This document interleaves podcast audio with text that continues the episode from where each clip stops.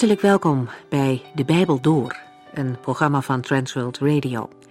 De Bijbel Door is een radioserie die u in vijf jaar meeneemt door de hele Bijbel. Van Genesis 1 tot Openbaring 22.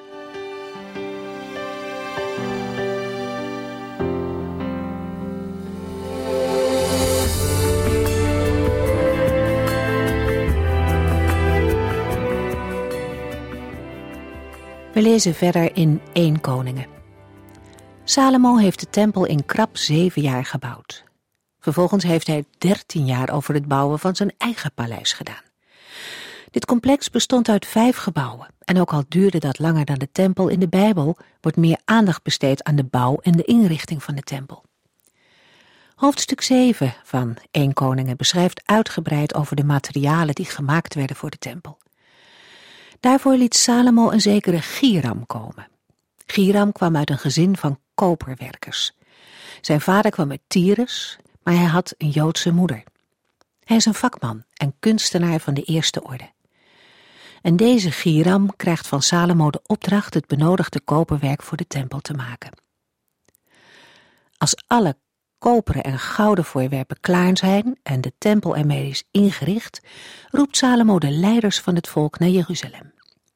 Het grote moment is aangebroken dat de ark naar de tempel gebracht zal worden. De priesters en de levieten nemen de ark op met de tabernakel en de bijbehorende voorwerpen. De optocht naar de tempel gaat gepaard met talloze offermomenten, waarna de ark uiteindelijk in het heilige der heiligen wordt geplaatst. De plaatsing van de ark daar is het laatste wat we vernemen over dit heilige voorwerp, tot aan de plundering later door de Babyloniërs. Als de priesters het heiligdom verlaten, vult een wolk de tempel. Het is de heerlijkheid van de Heere die het huis vervult. De aanwezigheid van God is zo overweldigend dat de priesters hun dienst niet kunnen doen. Daarna zegent Salomo het volk en bidt hij tot God. De vorige keer zijn we tot halverwege dat gebed gekomen en daar lezen we nu verder. 1 Koningen 8 vanaf vers 44.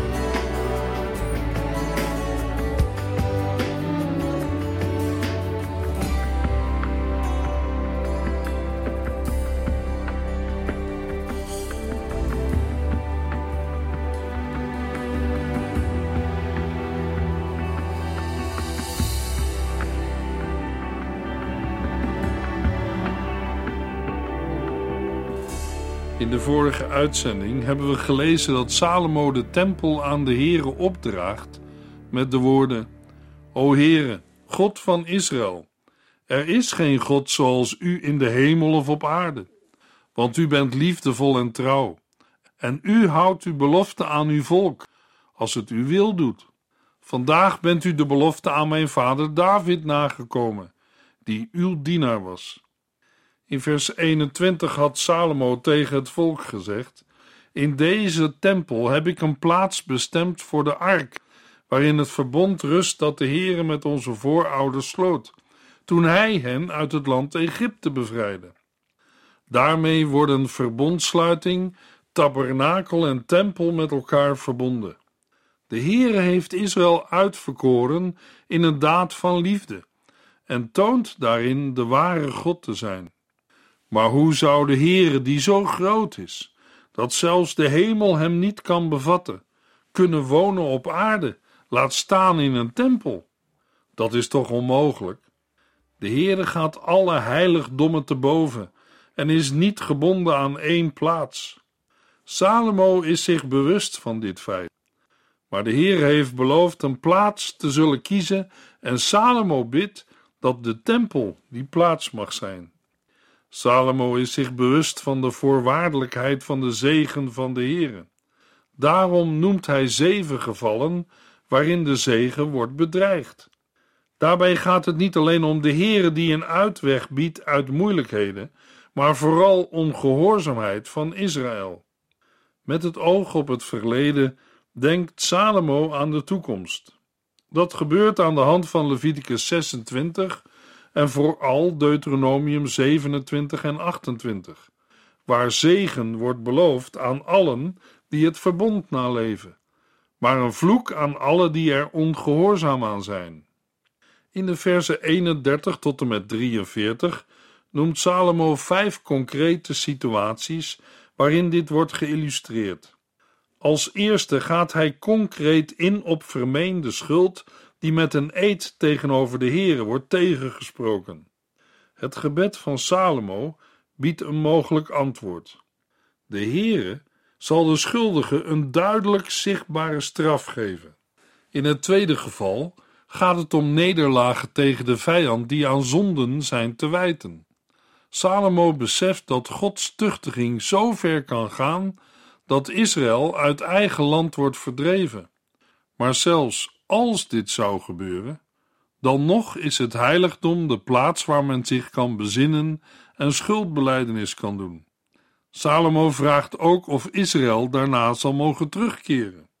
Een derde geval betreft het uitblijven van regen, waardoor de bodem te droog wordt voor voedselopbrengst. Ook dit kan een teken zijn dat er zonde is in het land en de Heer het volk met droogte tuchtigt. Salomo vraagt: als het volk dan bidt en zich bekeert van de zonde, dat Israël eruit zal leren te gehoorzamen en dat de Heere weer regen wil geven op het land. Opnieuw is gehoorzaamheid de kern van het gebed. Een vierde geval betreft nationale rampen, die gedeeltelijk verband houden met het voorgaande. In de gevallen van ballingschap en droogte wordt het gezamenlijke karakter van bekering en gebed benadrukt.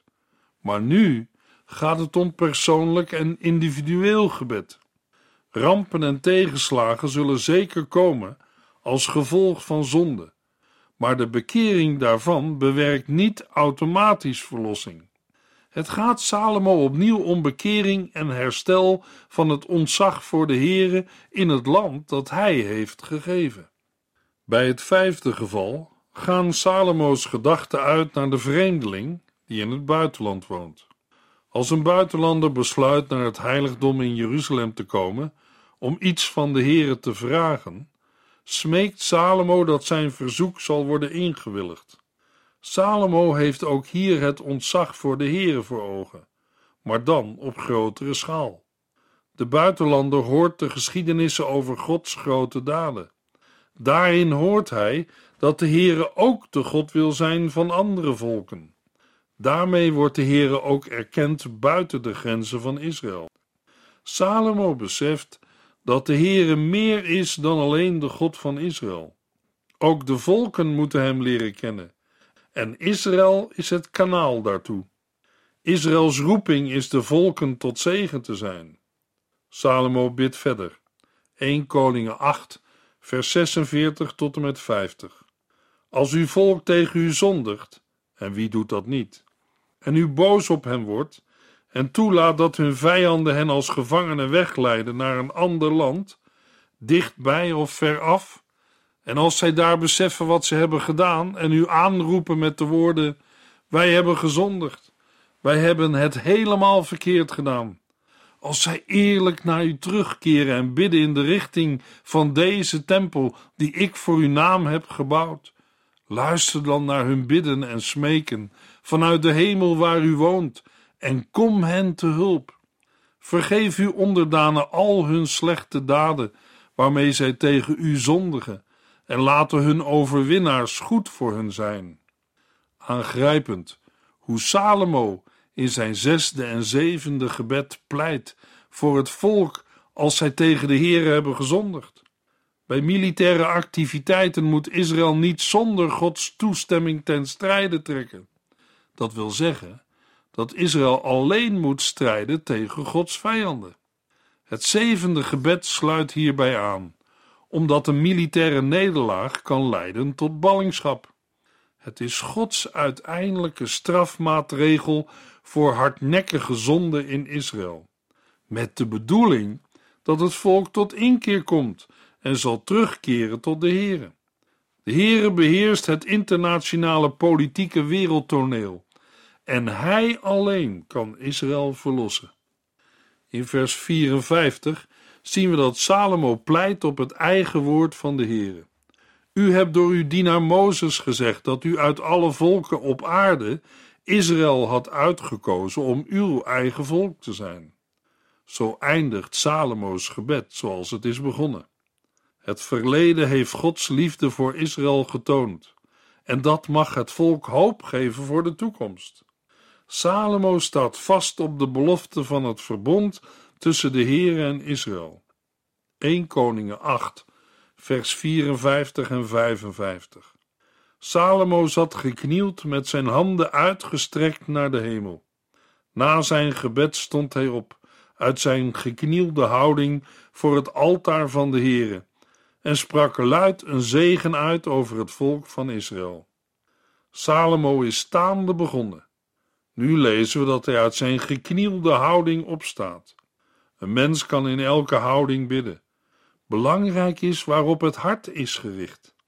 In de versen 56 tot en met 61 spreekt Salomo de zegen uit over het volk. Daarbij richt hij zich in het bijzonder op de gehoorzaamheid van Israël.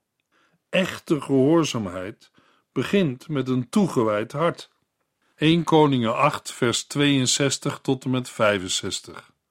Daarna wijden de koning en alle aanwezigen de tempel in door het brengen van vredeoffers aan de Heere.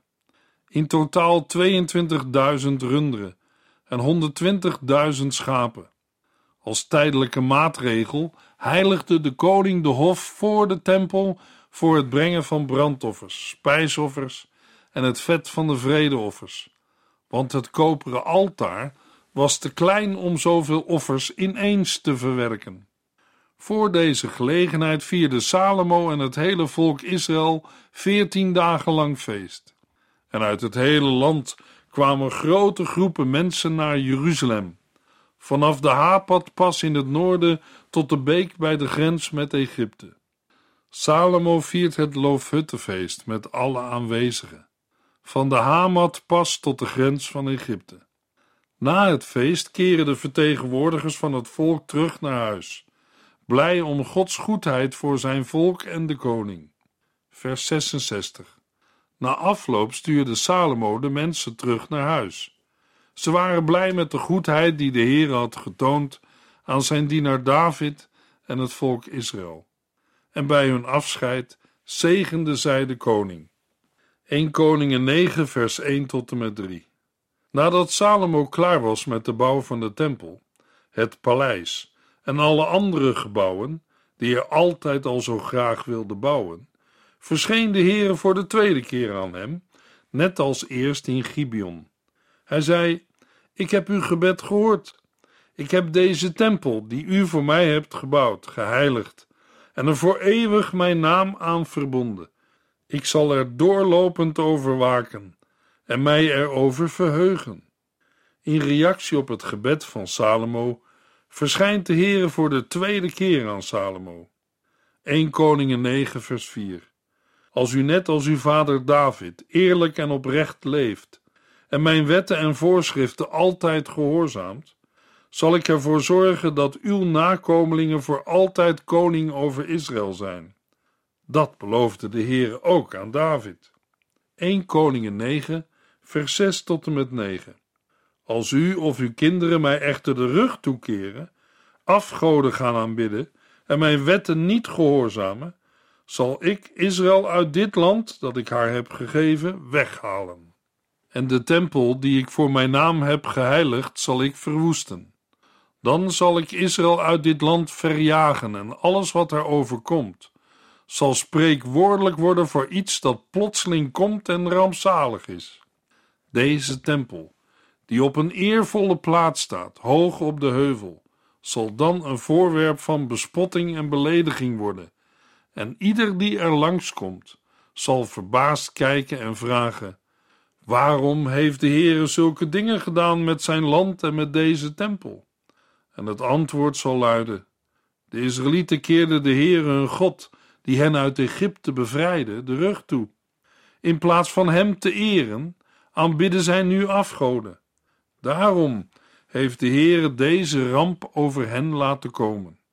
De volken zullen terecht menen dat Israël een ramp over zichzelf heeft afgeroepen door de Heere hun God te verlaten.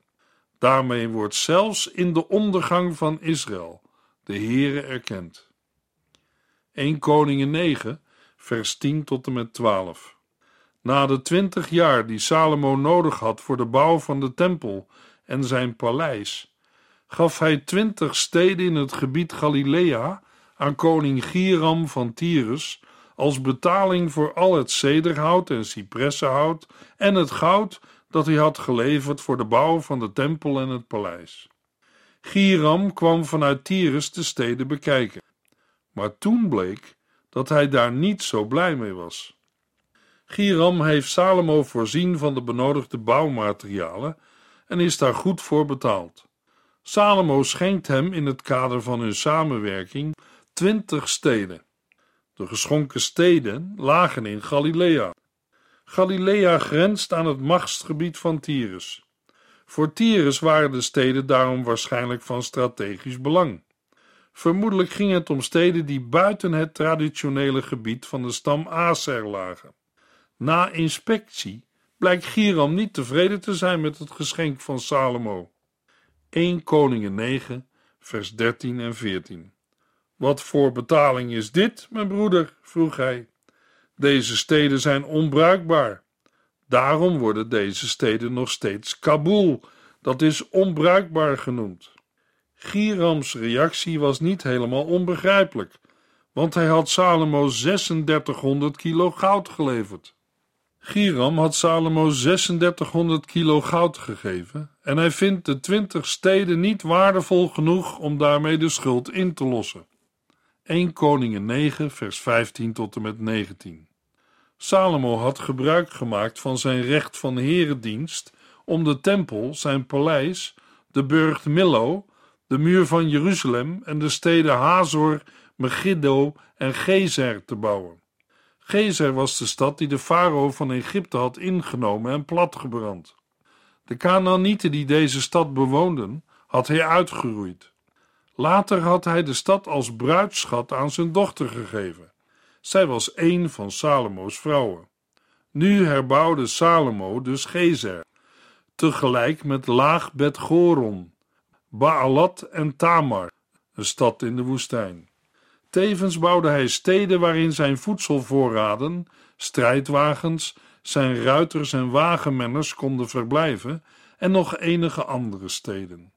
Deze werden gebouwd in de buurt van Jeruzalem, op de Libanon en overal in het land. Salomo liet de bouwwerkzaamheden uitvoeren door middel van een herendienst. Dat wil zeggen, hij haalde zijn arbeidskrachten uit de vreemde volken die hij had onderworpen. Israëlieten werden niet tot slaven gemaakt, maar moesten Salomo wel dienen.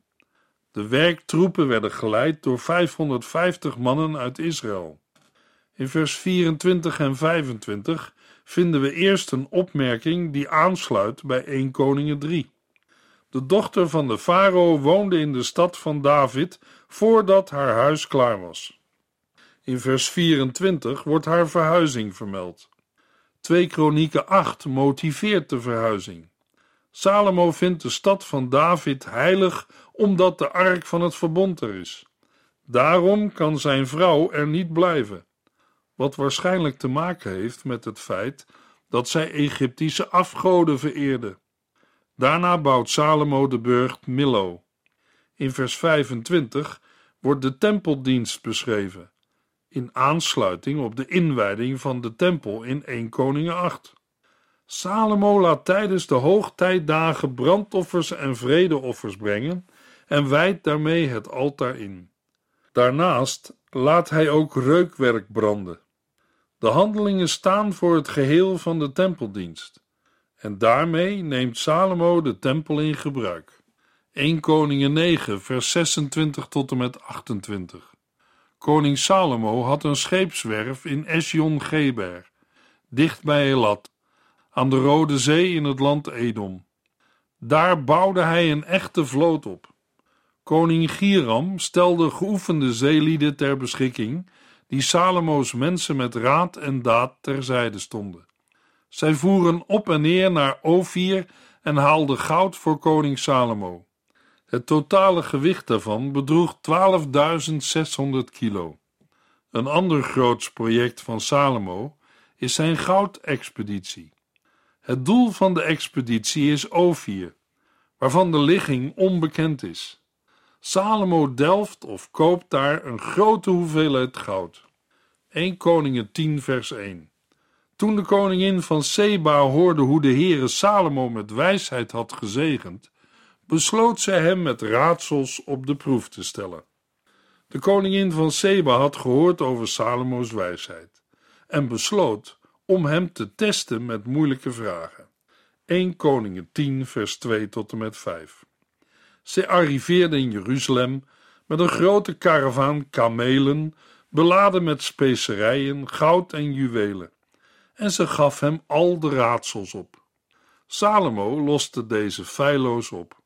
Niets was te moeilijk voor hem, want de Heere gaf hem elke keer de juiste antwoorden in de mond. De koningin van Seba begreep al snel dat alles wat zij ooit over zijn grote wijsheid had gehoord, op waarheid berustte. Ze keek haar ogen uit in het mooie paleis dat hij had gebouwd. En toen zij het heerlijke eten op zijn tafel zag, de vele dienaren en bedienden die overal stonden in hun prachtige kleren, zijn dranken en de vele offers die hij met vuur aan de Heere offerde, kon zij haar ogen niet geloven. Het koninkrijk Seba of Saba lag in het huidige Jemen. Salomo weet al haar vraagstukken te beantwoorden. De koningin valt van de ene verbazing in de andere. Ze was er getuige van dat Salomo de Heere naderde met brandoffers. Ze was onder de indruk van de wijsheid van Salomo en door het paleis, de tempel en alle andere gebouwen die hij had laten maken. Alles om hem heen was overvloed, rijkdom en voorspoed. Ze zegt tegen Salomo in vers 6 en 7: Alles wat ik in mijn eigen land over uw wijsheid en de gang van zaken hier heb gehoord, is helemaal waar. Ik geloofde het eigenlijk niet voordat ik hier kwam, maar nu heb ik het met eigen ogen gezien. Werkelijk, het is wel twee keer zo mooi als men mij vertelde. Uw wijsheid en voorspoed zijn groter dan alles waarvan ik ooit heb gehoord. Hoewel zij eerst dacht dat het om een overdreven gerucht ging, ziet zij nu zelf dat de werkelijkheid de berichten over Salomo ver overtreffen. In vers 8 tot en met 10 noemt de koningin een aantal punten op. Uw onderdanen zijn gelukkig en uw bedienden zijn tevreden. Wat moet de Heere veel van Israël houden, dat hij u als koning over het land aanstelde? U regeert uw onderdanen rechtvaardig en goed. Na die woorden schonk zij de koning 3600 kilo goud en ook nog een grote hoeveelheid specerijen en waardevolle stenen. Het was de grootste gift aan specerijen die koning Salomo ooit van één persoon had ontvangen. De lofzang van de koningin van Seba bereikt haar hoogtepunt als zij de Heere prijst omwille van zijn keus voor Salomo als koning voor Israël. Zij ziet in deze keus een bewijs van de eeuwige liefde van de Heere voor zijn volk. Ook stelt zij dat het de taak van Salomo is om recht en gerechtigheid te doen. Ten slotte geeft de koningin Salomo een groot geschenk. 1 Koningen 10 vers 11 tot en met 13.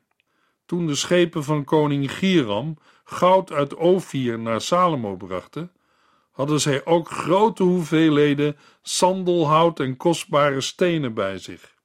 Salomo gebruikte het hout voor enkele trappen in de tempel en het paleis en voor citers en harpen voor zijn zangers. Nooit voordien en ook nooit nadien is zo'n grote voorraad prachtig hout aangevoerd. Als tegenprestatie voor de geschenken van de koningin van Seba gaf Salomo haar alles wat ze hem vroeg, naast de geschenken die hij al van plan was haar te geven. Daarna keerde zij met haar gevolg terug naar haar eigen land. Direct na het geschenk van de koningin van Seba wordt melding gemaakt van de kostbare vracht van de vloot die Salomo en Giram naar Ophir stuurden. Net als bij de specerijen uit Seba wordt gezegd dat een dergelijke kwaliteit grondstof nooit meer in Israël is aangekomen. Salomo blijkt een goede gastheer. Hij geeft de koningin boven de gebruikelijke geschenken ook alles wat zij maar wil. De Heer Jezus haalt de geschiedenis van de koningin van Seba aan in Matthäus 12. Terwijl zij ruim 2000 kilometer reisde om naar de begrensde wijsheid van een vreemde koning te luisteren, bleven de Joden onverschillig ten aanzien van de goddelijke wijsheid die hun in eigen land door hem, die meer dan Salomo is, werd verkondigd. In de versen 14 tot en met 29 wordt de rijkdom van Salomo beschreven. Het voert te ver om op alle details in te gaan. Vers 23 en 24 is er een prachtige samenvatting van. Zo werd koning Salomo rijker en wijzer dan welke koning ter wereld ook. Mensen uit vele vreemde landen kwamen om een onderhoud met hem vragen, om te luisteren naar zijn door God gegeven wijsheid. Hoe zal het verder gaan met de rijkste en wijste koning van de wereld? Heeft hij sterke benen die de werelden kunnen dragen? Want er wordt ook melding gemaakt van zorgelijke ontwikkelingen. We lezen waar Salomo zijn paarden vandaan haalt, onder andere uit Egypte. De handel in paarden is een schending van de koningswet in Deuteronomium 17. Daar wordt het een koning expliciet verboden veel paarden te houden. Zeker wanneer ze uit Egypte worden gehaald. Ook mag de koning geen grote hoeveelheden zilver en goud innen. De beschrijving van de rijkdommen van Salomo is niet alleen een lofzang op Salomo. Er is ook sprake van een toenemende spanning met de voorschriften die de Heere door Mozes heeft gegeven in Deuteronomium. In de volgende uitzending lezen we verder in 1 Koningen 11 en 12.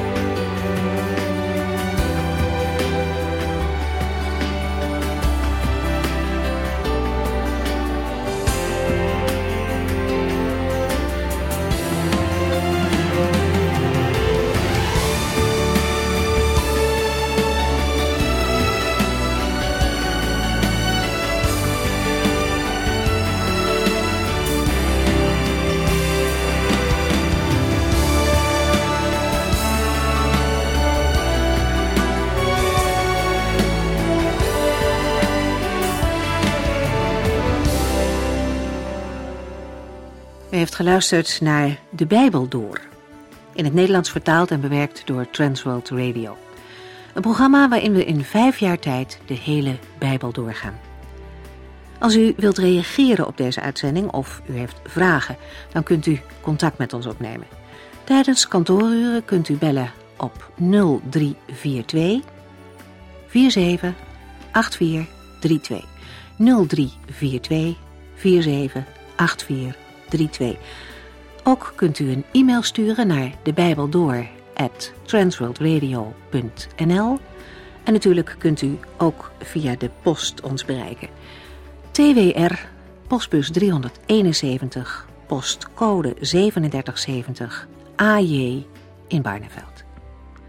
Dit programma werd gepresenteerd door Cor Weda en Ike André. Techniek was in handen van Odin van Woerdekom. En wij allemaal bedanken u voor het luisteren. Graag tot de volgende keer.